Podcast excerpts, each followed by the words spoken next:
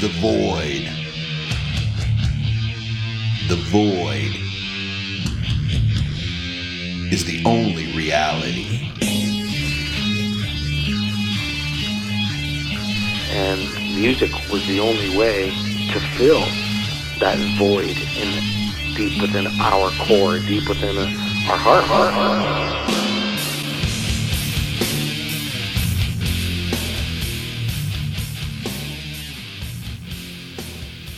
Du är välkommen till Into the Void Podcast. Mitt namn är Magnus Tannegren. Ibland så får man ju liksom en ingivelse att man ska fråga ett band som man har gillat för länge sedan. Och man kan få en liten pratstund med dem. Och prata om eh, vad som hände då i början på 90-talet och under första halvan där. Jag har länge tänkt på att jag skulle göra den här eh, podden och intervjua Sober från Skinnskatteberg.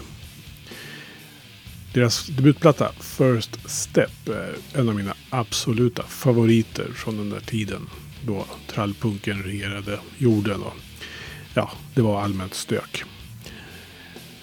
Sober stack alltid ut för de lät inte riktigt punk och de lät inte riktigt grunge. Någonstans däremellan. Bra var det i alla fall.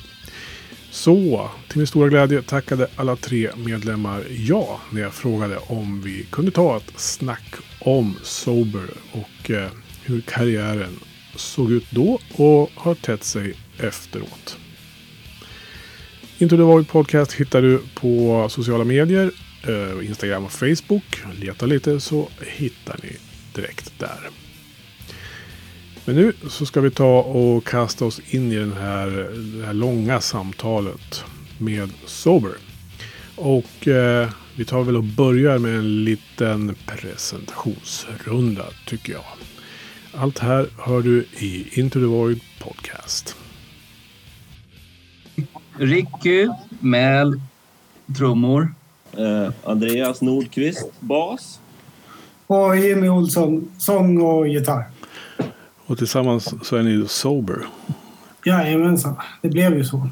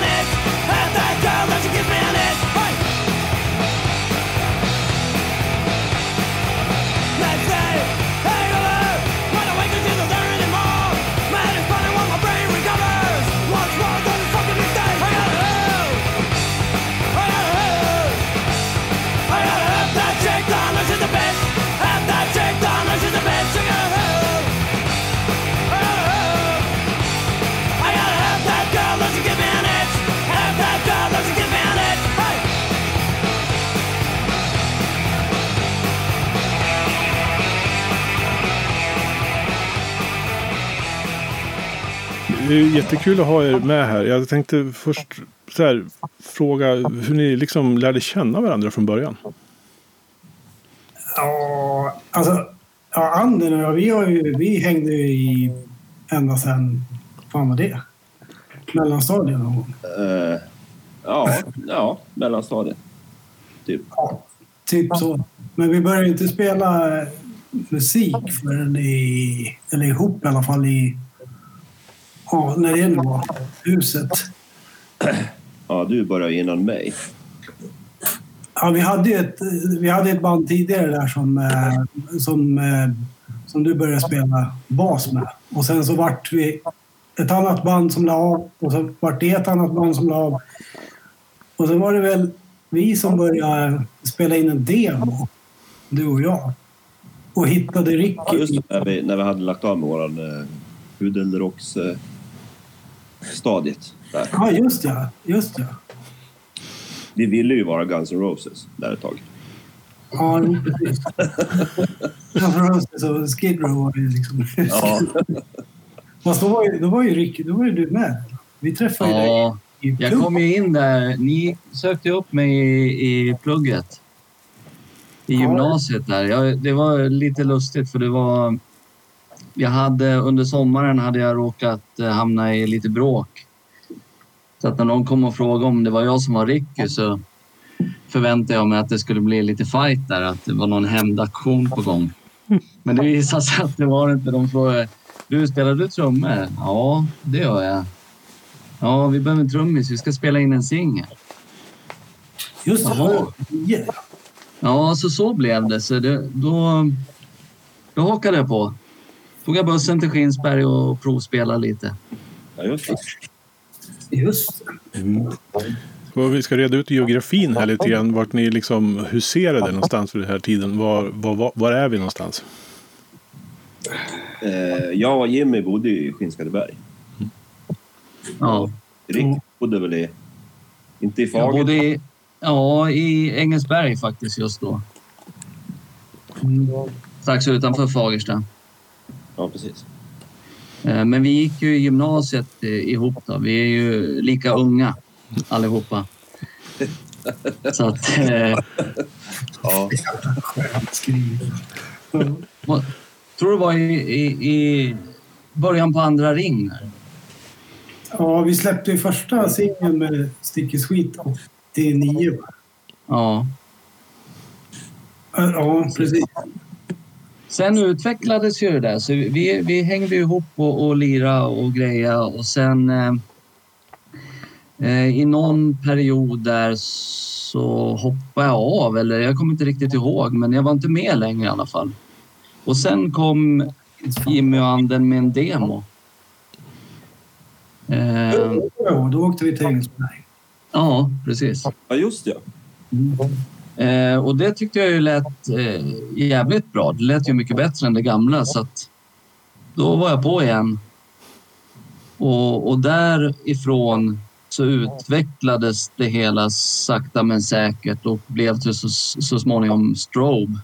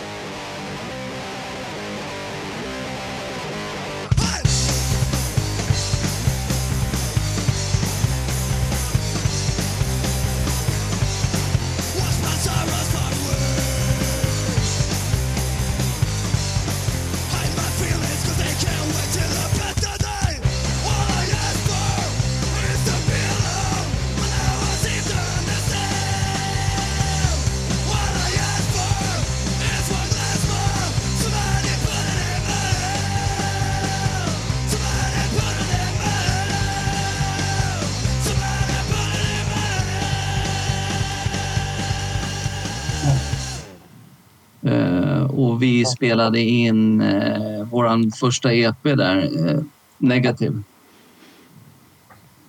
Ja, det var väl den vevan där.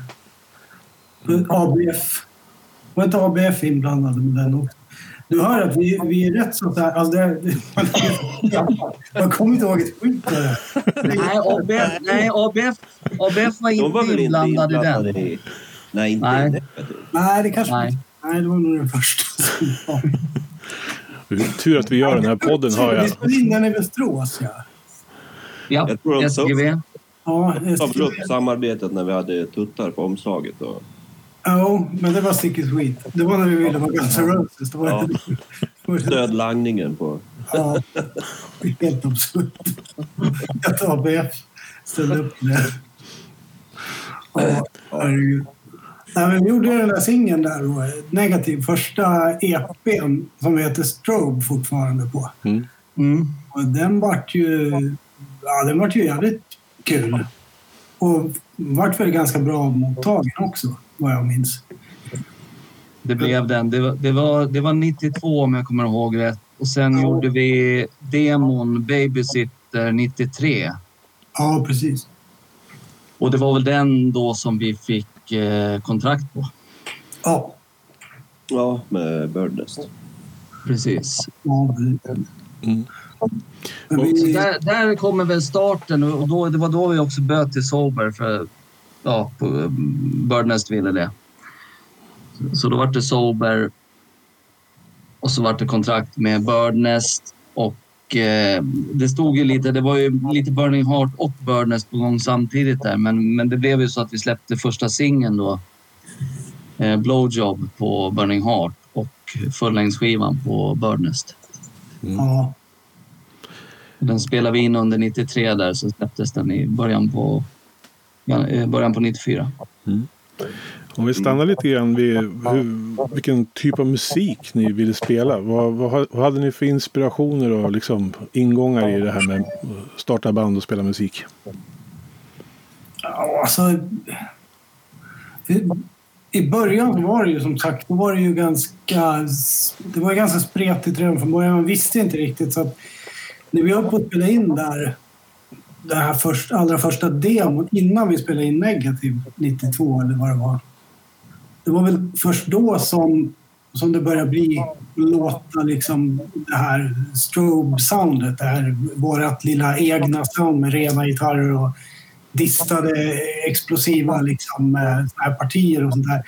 Och det är väl egentligen ganska mycket Nirvana att tacka för. För att eh, det var ju såklart, de kom ju där i den där vevan till Sverige åtminstone.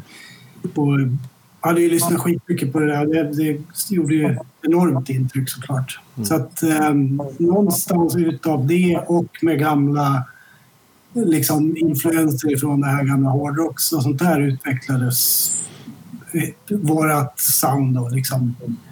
Så, och sen så tror jag nog... Alltså, vi har ju aldrig velat hålla oss till en, ska man säga, en linje.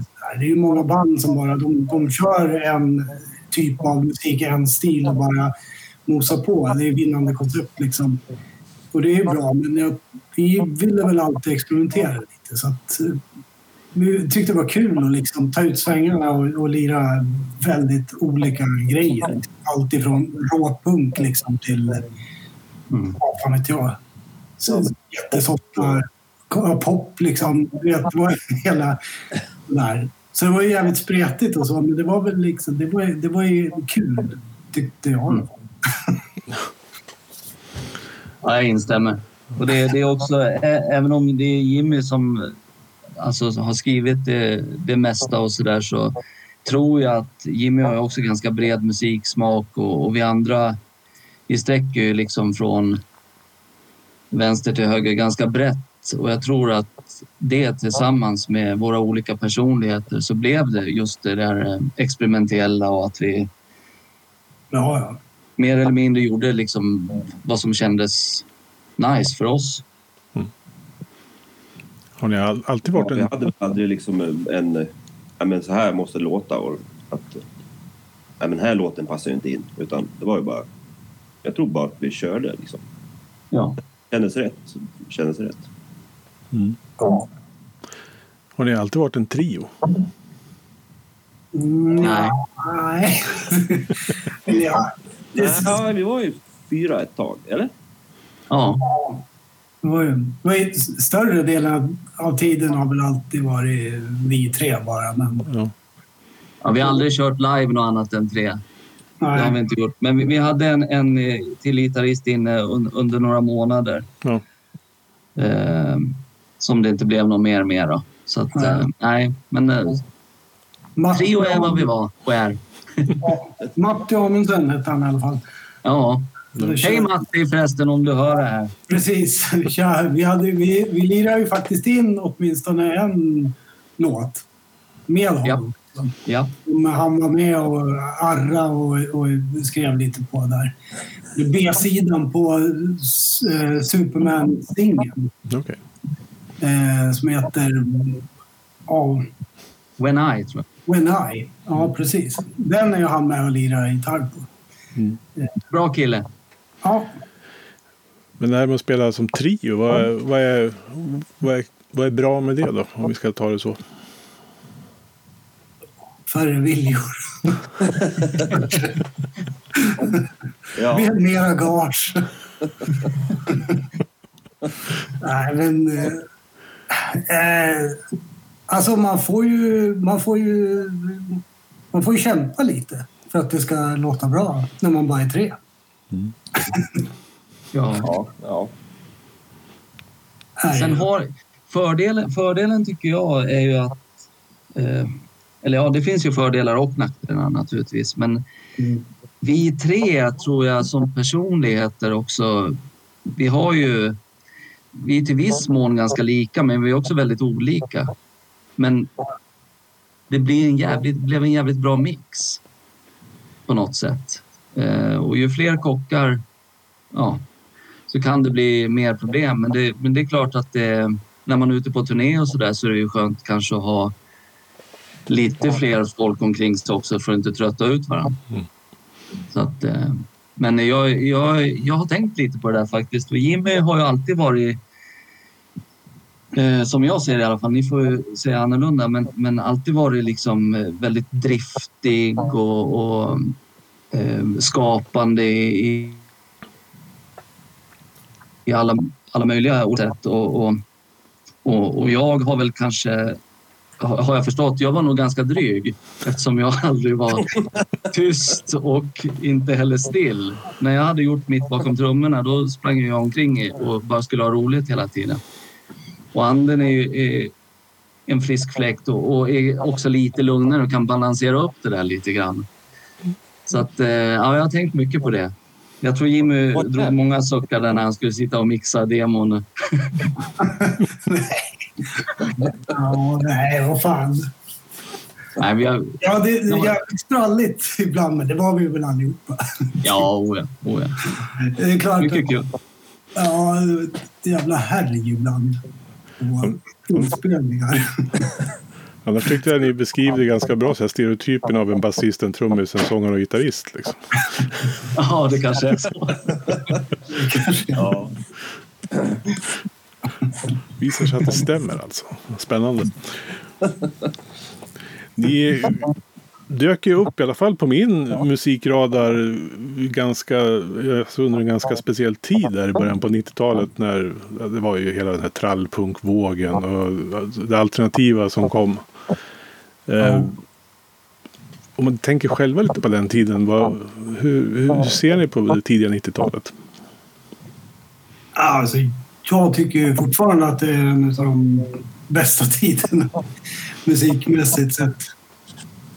Alltså just den här perioden när det var så, alltså det var så extremt kreativt klimat och Undergroundrörelsen, Independentrörelsen, var e-, e-, extremt stark. Det var fanns spelningar över hela Sverige eh, jämt liksom. Och eh, fansigns, folk liksom engagerade sig i, i, i både band och allting. Där.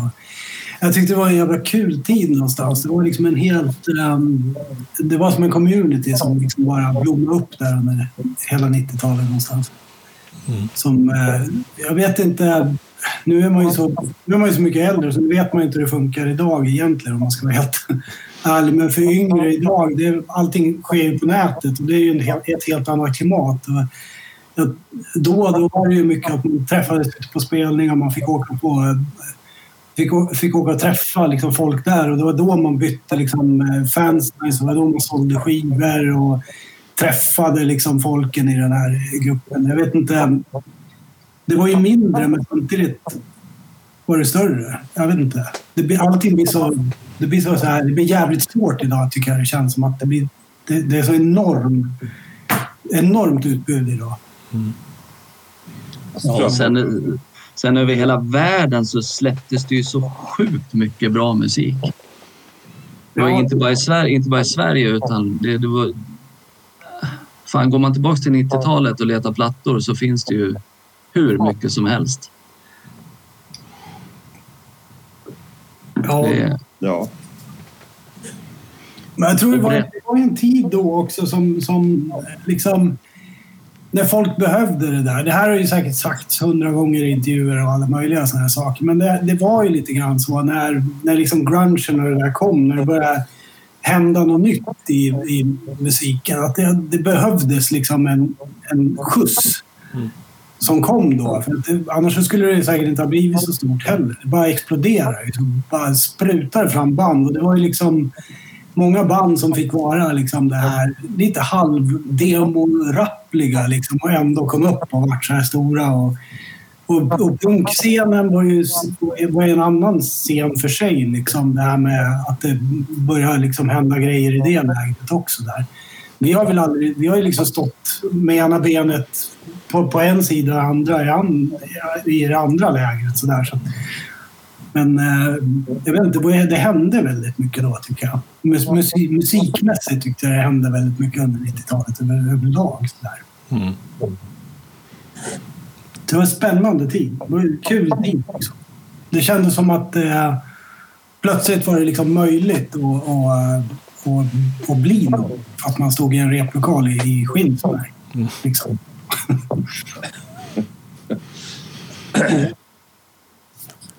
Ja. Jag, jag kommer ihåg, jag upptäckte ju all sån där musik på de här definitivt 50 spänn plattorna och vad heter de mer? Det var Really Fast. Och de här. Alltså, det, fanns ju en, hel- det var ju så man gjorde då. Det fanns ju liksom inte så mycket annan media att tillgå för sån här typ av musik. nej. Och det, jag tror det var där jag, tror jag hörde er första gången. Det var nog på definitivt 50 spänn. Vilken det var. Om det var den första eller andra som ni var med på. Ja, jag kommer inte ihåg Nej. faktiskt. Men jag har väl varit med på tre. Mm. Som, Var det tre? jag tror det. Ja. Inte. Ja, Ja. Ja, är väl men, något sånt. och lyssnar man på dem idag så inser man ju bredden på musiken. Alltså det var ju så mycket olika. Det var inte bara punk. Liksom. Nej. Nej. Det var lite, vi var ju med på, vad heter det, Hardcore for the Masses också. Ja, just Burning Heart-sidan där. Men sen var det 94 ni släppte er fullängdare då.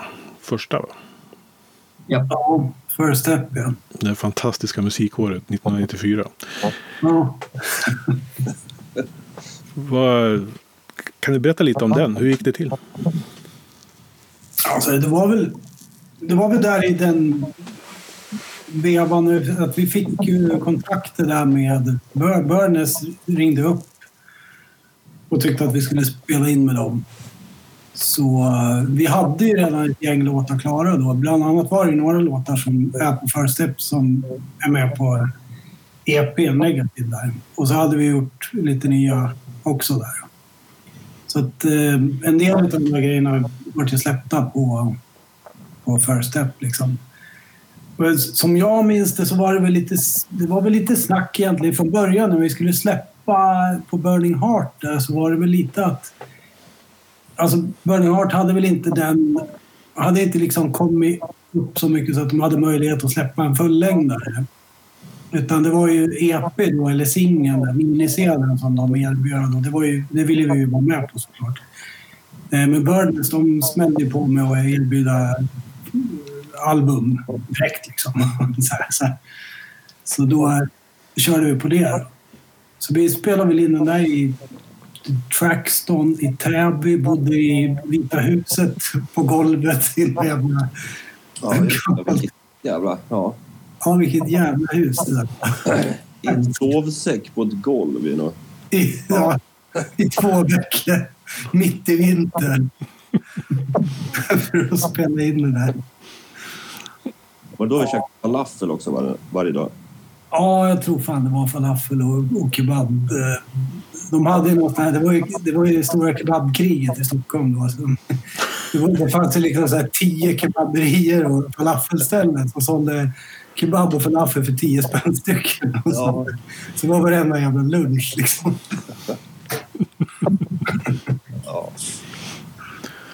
Ni blev inte hotade av några punkare och få stryk då? Det vet jag att jag intervjuade Mart i Lyckliga kompisarna och när de spelade in Tomat där i Trackston så var de ute och gick och då blev de hotade av ett gäng punkare att de skulle få stryk. Det tycker jag var lite roligt. Ja, han hade, alltså den första, det spelade vi in var hemma hos Christian, alltså i hans källare var väl Trackston då. Mm. Första ja. Ja, stämmer. Ja, just ja. Ja, så det var därför vi bodde där i, i, i det där vita huset. Uppföljaren senare, då hade han ju flyttat in till, eh, till eh, vid Slussen där. Ja, just det. Mm.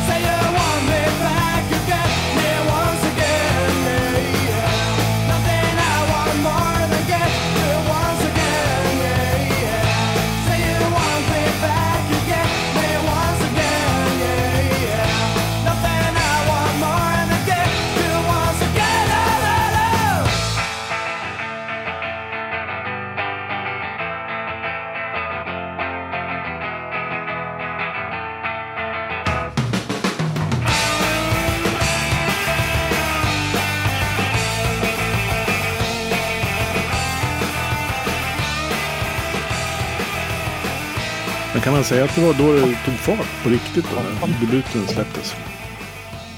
Ja, det var ju... Ja. Ja, det var ju mycket. Det var ju samma veva där då när vi, när vi spelade... Vi började köra lite spelningar där i, i den, samma den vevan där. Och sen fick vi förfrågan från Deras Alma och hänga på på deras eh, Sverige-turné. Mm. Som vi tyckte lät som en jävligt kul grej. Så det gjorde vi. Så att jag, det var väl ganska mycket där det liksom började, började rulla på lite. Ja, det kickade igång lite tidigare också. För vi, fick ju, vi lirade ju faktiskt på både Dalarocken och, och Hultsfred på, under sommaren. Eh, turnén med Dia Salma gjorde vi på hösten där sen. Och så var det innan. Ja. Fan vad jag har daskigt minne alltså. Dalarocken var ju kanske inte någon superhöjdare. Det- Jag tror den låg lite tidigare om jag kommer ihåg rätt. Men Hultsfred, då, då märktes det faktiskt. Nu Ja, spelar vi inte på någon stor scen, men, men eh, Var det Stora Damm? Ja, precis. Men det var ju fullpackat och det var liksom folk utanför också. Så att Ja. då började det hända lite. Ja, det var ju faktiskt en jävligt rolig spelning. Jag var, jag var väldigt så här överväldigad när man kom såg att det var helt fullt. Och vi spelade liksom klockan tre på, var det inte tre på eftermiddagen eller något sånt där? Ja, det var något sånt. I alla fall. Så vi tänkte så här, fan det kommer inte vara en käft här liksom. Det var ju helt fullt liksom. Ja. Mm. Ja, det var jävligt kul. Det var då vi fick signera den där Pillisnorken genom gallret också. Just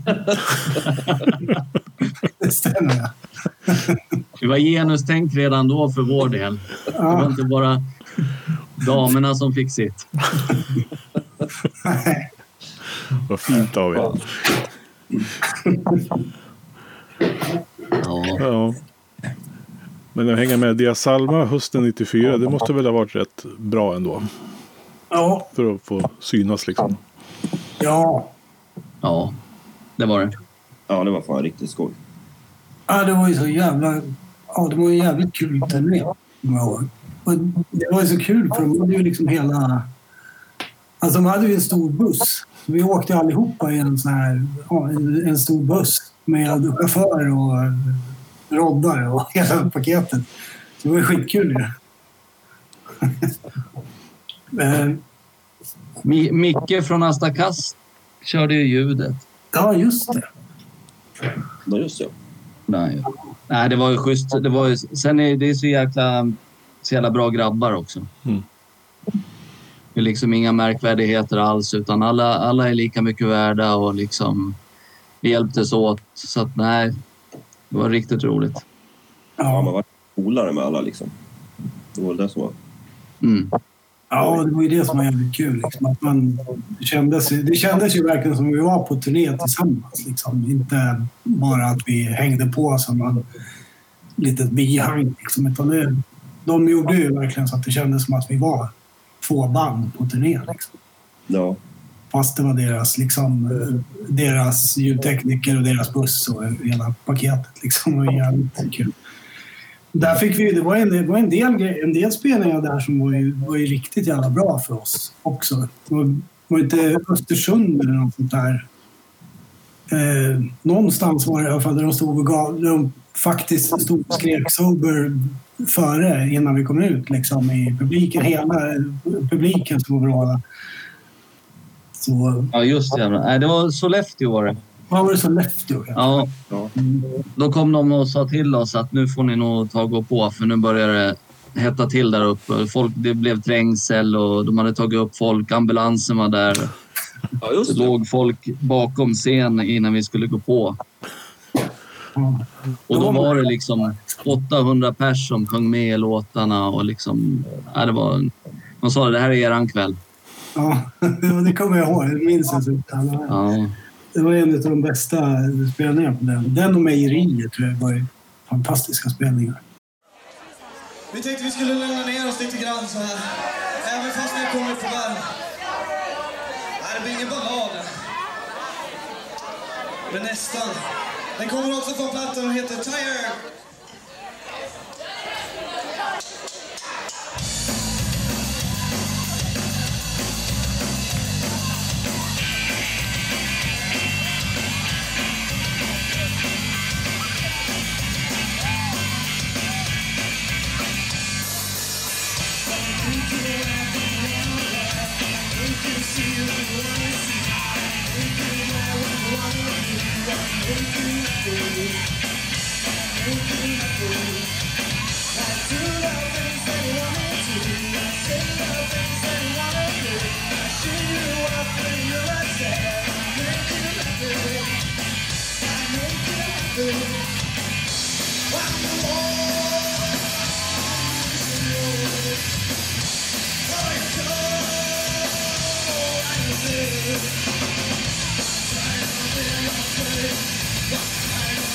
Thank you.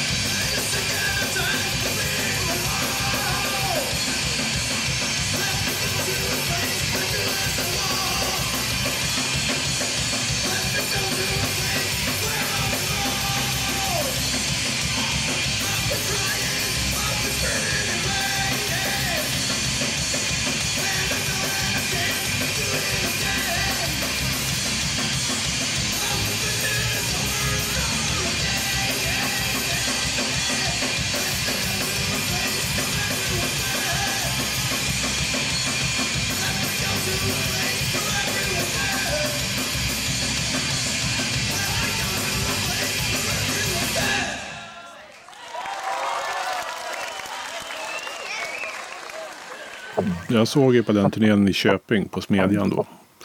Ja. Ah, Jag tror till och på med... den på, på, på den på turnén eller? Ja, på den turnén ja. Ja. Jag tror till och med jag har kvar affischen någonstans. Ja.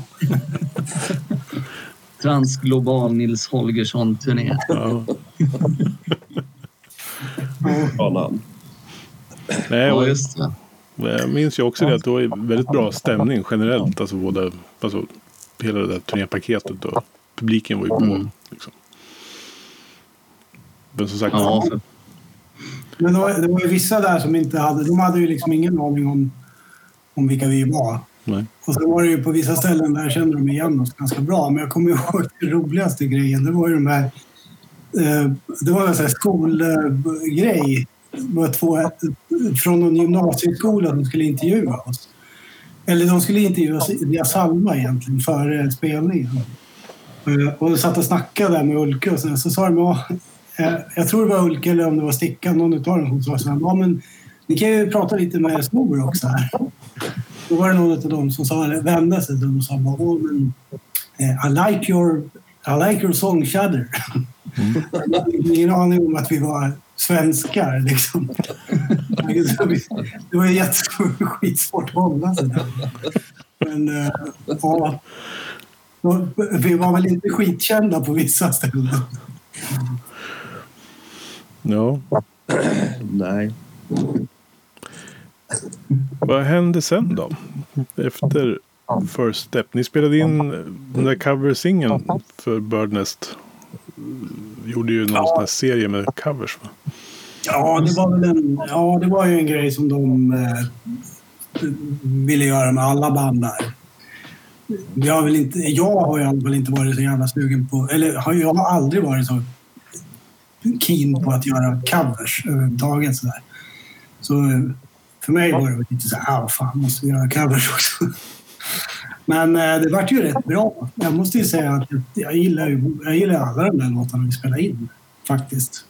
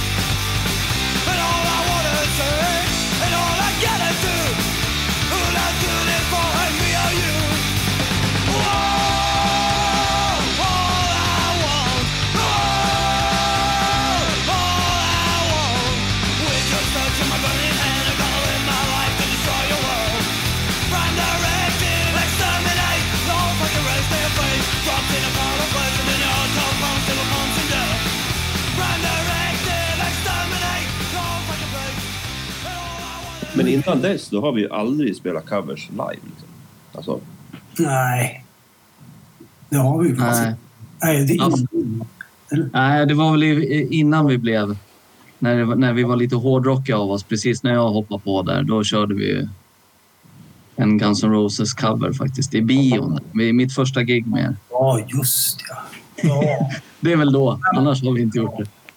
Mamma Kid, va? Jag kommer inte ihåg. Jag kommer inte ihåg heller. Det var någon sån där. Ja. Ja, ja. ja, men ja, den körde vi in där i alla fall. Det var ju... Det var mellan där va? 95 tror jag. Mm. Har jag för mig att det var. Ja, Ja, där har jag en jävla rolig historia förresten. För den körde vi också in i, i Täby. Eh, då hade vi varit ner, vi åkte i två bilar ner och så hade vi en spelning i, på um, Fryshuset i Stockholm va? ja, just det. Eh, ihop med, vad fan hette de då? Eh, Var det med Bitch? nej, Vad hette nej. De där jävla göteborgarna. Ja, så, ja fast det som de hette innan. Union Carbide, så heter de. Union Carbide Production. Ja, precis. De spelade vi med där. På. Och sen, sen efter det skulle vi ut till, till Täby och spela in den där singeln. Jag hittade inte, så jag åkte bakom Jimmy. Och eh, kommer fram till ett rödljus och det håller på att bli rött och han drar. Och jag blir kvar. Och ingen fläkt i bilen heller, så det immar igen. Det var ju vinter. Jag såg ju knappt någonting. Jag visste att jag skulle till Täby, så jag lyckades ta mig dit på något jävla konstigt sätt. Och rätt vad det är så bara tittar jag upp och så, vad fan, här är det ju. hade ingen adress, ingenting, jag ingen mobiltelefon, jag visste inte nå. Men jag kom fram till slut. Ja, det var ju helt absurt. Ja, jag vet inte, vi, vi, körde väl den där cover, covergrejen kändes väl som att det var, det var någon sån här grej som Burners mest ville att vi skulle göra. Tror jag. ja, ja, de gjorde det väl med alla sina band va? Ja. Ja, jo, precis. Men det blev bra. Ja, det vart det. ja, det vart det väl. Det var ju helt schysst. Ja, jag tycker ju en Misfits-cover är ju bland de bättre jag har hört. Så att, Astro. Ja. Astro. Mm. Astrosoms. Ja. Ja. Jag håller med. Den har vi ju faktiskt, den har vi ju faktiskt kört live. ja, det var det. Det har vi gjort. Det är väl den låten som vi har tagit med oss faktiskt. Eh, vi körde den ju sist. Ja, precis. Eh, tju- 2016 var det va, sist vi spelade med Strebers. Ja. Då körde vi den. ja, vi körde väl, vad hette det? Vad hette den då? Walk on by. Kinesen också ja. Den körde vi också. Men vi körde ju Walk on By också. Walk on by har vi kört. Mm. Jaha, ja, det ser. Vi kanske gillar att spela covers ändå. Ja, vi kanske ska bli ett coverband. Ja, Bara spela IFK Gamla Saxon. i dansbandsstuk. Ja. Men vad hände sen då? Eh, om vi fortsätter förbi singeln här. Snowboard dök upp sen. Ja, det var ju, vi började bli snack vi... Jag vet inte fan riktigt vad som hände där vid 95. Att Det var ju liksom lite så här... Jag tror ju att det är lite så här att vi ville ju egentligen ut på den internationella marknaden lite grann. Det, det är ju omöjligt att komma runt det. Liksom. Vi spelar på engelska, vi hade engelska engelskspråkiga band som liksom förebilder och, och liksom ville väl egentligen ligga på en internationell scen och sådär. Burners nådde väl inte riktigt ut dit på det sättet i alla fall. Så att det var ju liksom lite snack där med hur eh, att Burning Heart och Burner skulle gå ihop och Burning Heart skulle hålla i den internationella delen och Burner skulle hålla den svenska, nordiska, skandinaviska kanske lite mer. Jag vet inte riktigt hur det där var snack om. Liksom. Men eh, jag har för mig att det var där i den vevan någonstans att vi var lite villrådiga. Så att, eh, vi spelade väl in... Vi skulle ju spela in något nytt. Så vi spelade in den här Sarah och Eh, ja, den som var, var, var till Snowboard, den singeln som kom. Eller EPn, mini-delen EPn kan man säga. Ja. Och det var ju jävligt mycket bra låtar på den där. Och den kände man ju så här, men den här behöver ju pushas fram liksom.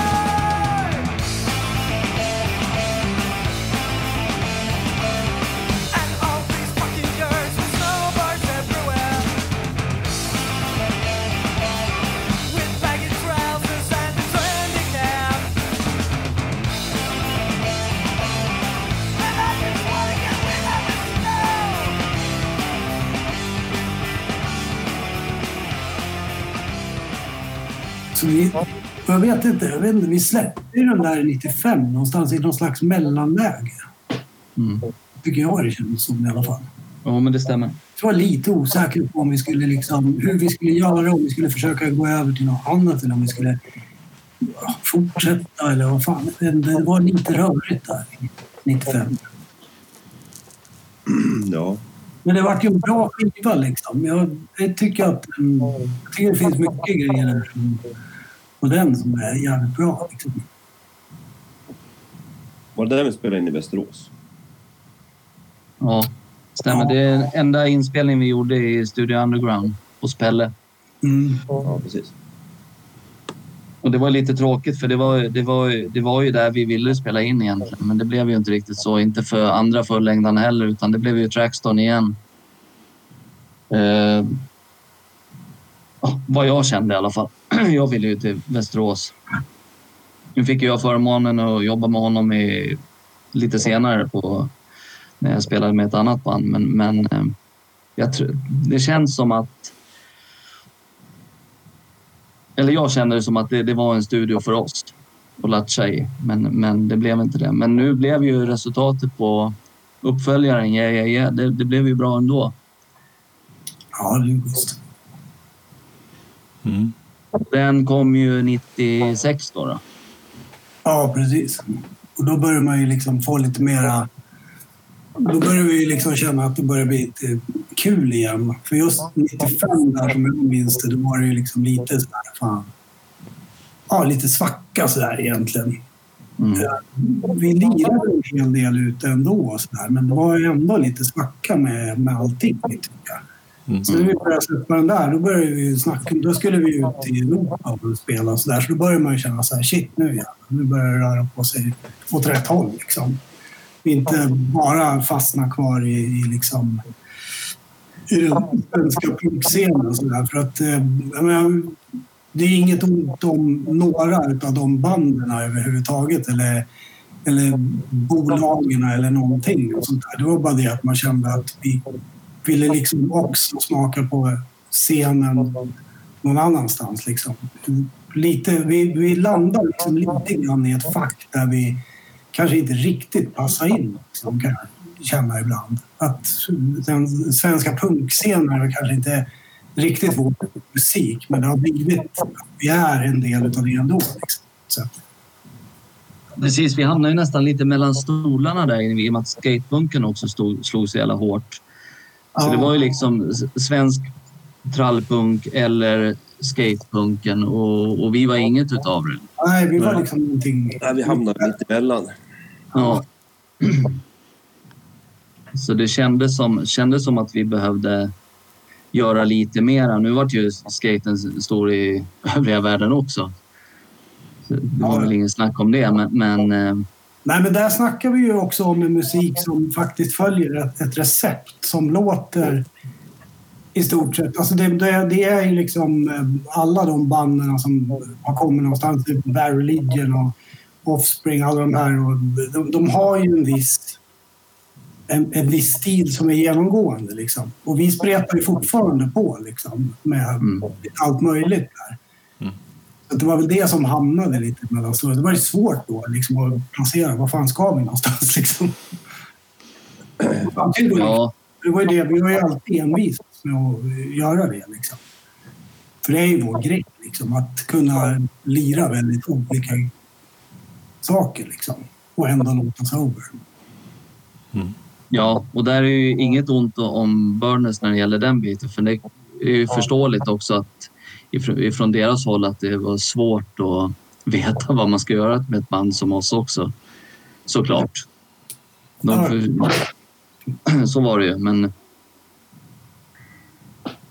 har man, kan man inte göra, kunde inte vi få göra det, då, då hade vi nog inte fortsatt i alla fall.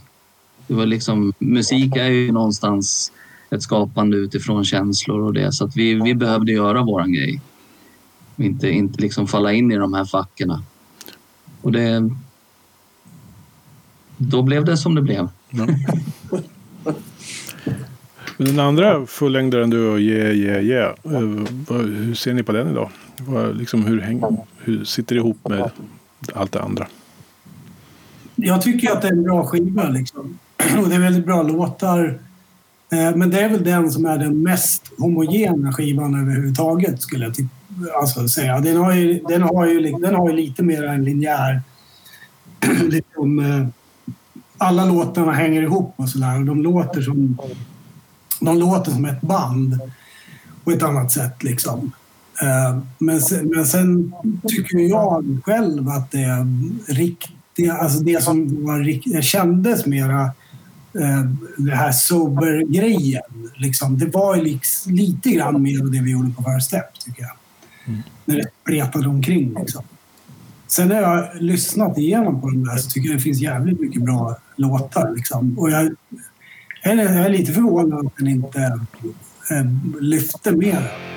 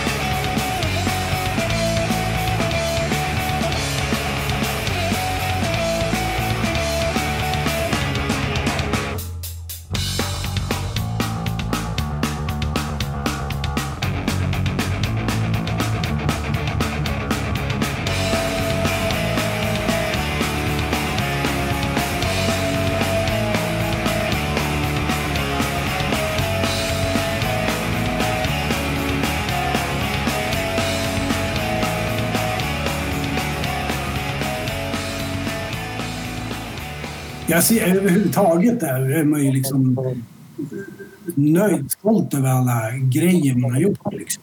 Och sen finns det alltid saker man kan vilja ändra, ändra på. Liksom. Men, men känner ljudmässigt och här har man ju haft vissa idéer om att man kanske skulle vilja haft lite mera, lite mera punch liksom på ett annat sätt. För där vart ju också en liten grej att det någonstans vart lite det här samma koncept som fanns på mycket av punkskivorna i de svenska punkskivorna. Liksom. Eh, avskalat och lite det här, jag vet inte, demoaktiga.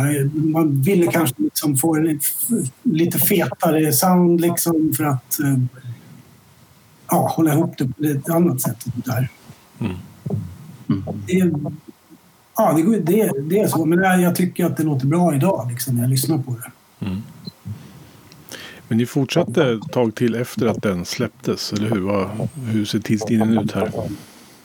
Ja, vi körde hela, vi körde ju ganska, på ganska bra under 96 och det var också då vi gjorde Europasvängen. Eller ja, Ja, Tysklands... eh, så, precis. Och den, ble, den blev ju lite tråkig på det sättet att eh, bandet som vi skulle åka med eh, fick ju ställa in. Så att vi, ja, vi visste inte riktigt hur vi skulle göra men det blev ju att vi åkte i alla fall helt okända det skulle, Vi skulle ta oss an. Det var ingen lätt uppgift. Vad sa du? Nej, vi skulle ju inte ha gjort det egentligen. Alltså, Nej, egentligen inte. Det var, det var ju verkligen att cykla i motvind liksom. Mm. Det var det. Men eh, Och där vi också, det var ju vissa, vissa där spelningarna på den turnén var ju skitbra. Det var ju skitmånga som kände till det också. mm, Man var så jävla, jag tyckte det var så jävla skoj. Dresden var, helt, var ju sjukt bra. mm. Ja. Och en del ställen, där var det inte någon. Nästa spelning var ju på... eh, Vad fan var det någonstans? Jag kommer inte ihåg vad det hette eller någonting. Det var två höga hasch- haschtomtar som satt och rökte, rökte på när vi kom in. Och sa, vi sa att vi skulle spela där och de bara, bara “Vilka är ni?” liksom. Ja, ja, okej, okej. De hade liksom ingen aning ja, fy fan. Ja, vi får skicka ett extra tack där till, till Peppe och till Pontus Ja, just det. som stod ut med situationerna. Ja, det var, det var ju den... eh, Det var ju 90, det var i slutet av 96 där. Mm. Ja. Vi, vi gjorde den svängen och sen kom vi hem och så körde vi två, två Norgevändor ihop Ja, med just det. Med Abinanda. Abenanda. Ja. Mm. Precis, och det var också den där grejen att hamna liksom... Fick vi åka med dem och så hette vi Sober och då, ja, då var vi straight edge helt plötsligt. Ja. Och det var vi ju definitivt inte. Det där, ja, vi lackade fan ur på det där en vända till. Vi gjorde en, en mediadag där i Oslo med lite tidningar och radio och lite grejer. Under radiointervjun då, då drog vi upp bärsen och knäppte och tände lite cigg och, och mös där. Sen dödade vi deras intervju totalt för de trodde vi var straight edge. Sen kunde vi gå därifrån. Ja, så sjukt. Ja. Men också schyssta killar. Inget fel, inget ont om, om den svängen så. Bra killar där också. ja. Även hända pojkarna. Men hur länge höll ni på? Var det till 97 va? Om jag har läst på rätt Mm. här. Ja, ungefär 97 var det väl någonstans där. Mm. Som var hela... Från 92, 92 97 var väl ungefär spannet som det mest aktiva. Liksom. Mm. Ja, då, då bestämde vi oss för att ta en paus. Ja, varför bestämde ni er för det då? Jag vet fan inte. Jag kommer inte ihåg. det var väl en... Jag hade ju flyttat till... eh, Just jävlar. Ja, jag hade ju flyttat till Örebro. Så dels var det lite knepigt med repor och sånt där. Och sen var det väl det där, liksom, det, som, ja, det går ju inte att sticka under stol, men det, går, det var ju så att det vart ju inte riktigt, vi kom ju inte riktigt dit vi ville liksom, med scenen. Så då vart det ju lite så här, jag kände, vad fan, ska vi hålla på och harva på här? Mm. Jag tror det var mycket Tysklands grejen att... Alltså, Mm. Som var så jävla... Det gick ju så jävla segt. Alltså, Ja, det, det var ju det. Faktiskt. jag tror det var mycket det som... Ja, det kändes som Ja, nej, det kom ingenstans just då. Det kändes som att det hade liksom stannat upp där då. Så att, eh, det var väl det läget då. Vi tyckte väl att nej, men fan, nu får vi ta en paus. Liksom. Det, Mm. men vi sa aldrig att vi skulle lägga ner. Jag tror aldrig vi har sagt att vi har lagt ner bandet. Offentligt i alla fall har vi aldrig sagt. Det har vi inte sagt internt heller. Nej. Det har vi väl inte gjort. Nej. Utan det var mest att nu tar vi en paus. Det var en jävligt lång paus just nu. Nej, men jag, jag kan gilla det där när band bara säger att de tar en paus och inte säger något mer sen. Så kan folk få undra lite grann. Ja, precis. Ja. ja, det blev en paus till 20... 2012 va? Ja, det tror jag. På Birdness 30-års fest där. Ja, Då körde vi en vända. Och sen körde vi, fick vi ett gig i Katrineholm 2015. Och sen körde vi en vända 2016 med Strebers här i Fagersta. ja. Mm. ja, det är väl senast. Det är senast. Det var ganska lågaktivt då med andra ord. Ja. Ja, jag, jag skrev sju nya soberplattan under den tiden, men, men de blev inte godkända så jag kastade dem. Nej, det gjorde jag inte. Vad fan är det här nu? Spännande, berätta mer. Va? Ja, precis. Eller jag sa aldrig det till er kanske. Det kan vara... Nej, inte vad det var. Nej. Men vad skulle ni säga att statusen är idag då? Om det finns någon. Alltså, vi, vi, vi träffas ju ibland i alla fall. Nu var det jävligt länge sedan. Ja. Så vi kör väl lite... Vi brukar ju... Vi har ju, vi har ju försökt att dra ihop ibland och köra lite repor och sådär bara för skojs skull. Så- Ja, ja, jag är på. Jag, testar, jag skulle testa en, en eh, soberlåt här för någon dag sedan, eller ett par dagar sedan. jag såg det.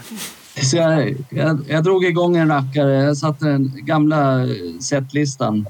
Pluggade jag in. Satte det på shuffle eller vad det heter, random. Körde en låt och så kom den till. Ja, just det, den här ja. Och sen, sen blev det hela setlistan. Och den, den satt faktiskt ganska bra, gjorde den. Så att jag är redo. Bara corona försvinner. Ja, precis. Det, ja, det är det vi. Nej, men vi har väl liksom... eh, Ja, vi har ju haft lite planer om att, eh, att släppa lite grejer också. Men... eh, Ja, vi börjar ju spela in eh, grejer där ett tag. Så vi, inte har, vi har väl liksom inte blivit så mycket kvar till slut. Vi kan, vi kan berätta sanningen. Det var så här att när vi började, när vi började spela in så det första vi kom överens om det var att det här ska inte gå snabbt. Vi ska slå Guns N' Roses rekord. Och det har vi gjort nu så att nu ska vi, nu har vi börjat, nu ska vi styra upp det. Ja, det skulle behöva göra det faktiskt. Det är på gång. Nu, nu, nu var det faktiskt, vi hade lite otur också. Det strulade med, med, med datorer och grejer. Och, eh, men nu har vi lyckats lösa det, så nu ligger det i alla fall i en studio så vi kan börja jobba. Men nu är det ju covid som Ja. hindrar. Men eh, så fort det blir läge så, så kan vi börja peta ihop det där. Det ska nog gå hyfsat fort bara vi kommer igång. Fyra, fem år sådär så. Ja, no, eh, det är ganska snabbt. Ja, det finns ju alla. Ja, för fan. Och, det, och eh, utan att vara sån så... Eh, det är faktiskt ganska bra, det vi har gjort. Det, det är inte dåligt alls. Och jag tycker nog att det ligger lite mer i stil åt first step-hållet. Ja, det gör det. Helt klart. Lite mer tidigare sober faktiskt. Eh, Ja, det är mycket mera... Mycket mera så som vi kanske vill, eh, eller så som vi vill att det ska vara med alltså strobe sober. Liksom. Men- är schysst. Om vi ska liksom runda av här. Om vi går varvet runt. Jag har en sån här fråga jag brukar ställa till band ibland. Uh, vad de är mest stolta över att ha liksom gjort. Om man ser på bandverksamheten då. Vi börjar med dig Jimmy. Eh, nej, men jag är nog mest stolt över att vi ändå har liksom stått på oss med, med den liksom, musiken som vi, vi har velat spela. Liksom. Det är att vi har vågat liksom vara lite spretiga, vara lite annorlunda. Att inte falla för det här, liksom, eh, ska man säga, det här så som det ska vara för att det ska bli för att man ska lyfta. Nu har vi, vi kanske förlorar lite på det, men jag är skitstolt över att vi faktiskt har hållit vår linje. Det har, det har varit värt det, liksom. helt klart. För att det, vi har släppt ifrån oss en jävla massa bra musik. Sådär, som jag tycker är liksom, ja, helt fantastisk faktiskt. Så att, nej, det är jag nog stolt över det. Vi har, vi har stått på oss och gjort vår grej så gott vi har kunnat. Liksom. Andreas. Ja, jag håller med Jimmy. Absolut. Jag tror, vi har aldrig diskuterat ens att vi skulle liksom, nej men nu kör vi på, nu ska vi köra skatepunk. Eller pop eller. Nej. Så vi har bara gjort, ja, vad som har kommit till oss. Känns det som. Så ja. Jag håller med Jimmy. Ja, jag är så tråkig så jag håller faktiskt också med där. Det var det första som dök upp i min skalle och det är att det, det har på något, visst, det har varit roligt med de här stora giggen när man har haft mycket publik och, och, och den liksom energin som skapas i det. Men jag skulle nog vilja påstå att de absolut häftigaste upplevelserna det, det är den liksom energin som vi har skapat oss emellan. Både, både i replokalen och på scen. Och, och för mig har det generellt kvittat om det har varit liksom fem pers i publiken eller 800. Utan det är när vi hamnar i vårat mode och vi gör det vi vill. Och det är liksom det som har varit hela grejen för, för min del. Liksom. Det, det- jag, vilken dag som helst ställer jag mig i samma lokal som de här två grabbarna. För det är, ja, det är en speciell energi och det, det är den jag har levt. Ja, absolut. Det håller jag med om helt klart.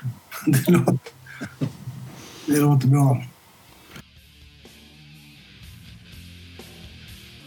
Stort tack till eh, Jimmy, Ricky och Andreas i Sober som ställde upp på den här pratstunden med mig om bandets historia. Det var jättekul att höra och jättetrevligt att prata med er. Hoppas vi hör av Sober något mer i framtiden. Det verkar ju så kanske. Om de får tummen ur och spela in den där plattan som de har funderat på. Det var det från Into the Void Podcast för den här gången. Jag hoppas ni har haft lika trevligt som jag. Och eh, ja, säg vad ni tycker om eh, podden och följ oss på sociala medier. Instagram och Facebook, där finns vi. Jag som säger det heter Magnus Tannegren. Och med det så säger vi tack och hej för den här gången. And hey, I met you. You are not cool. I know. Even when I thought I was, I knew I wasn't. Because we are uncool. I'm glad you were home. I'm always home. I'm uncool. Me too. You're doing great. You know, the only true currency in this bankrupt world is what you share with someone else when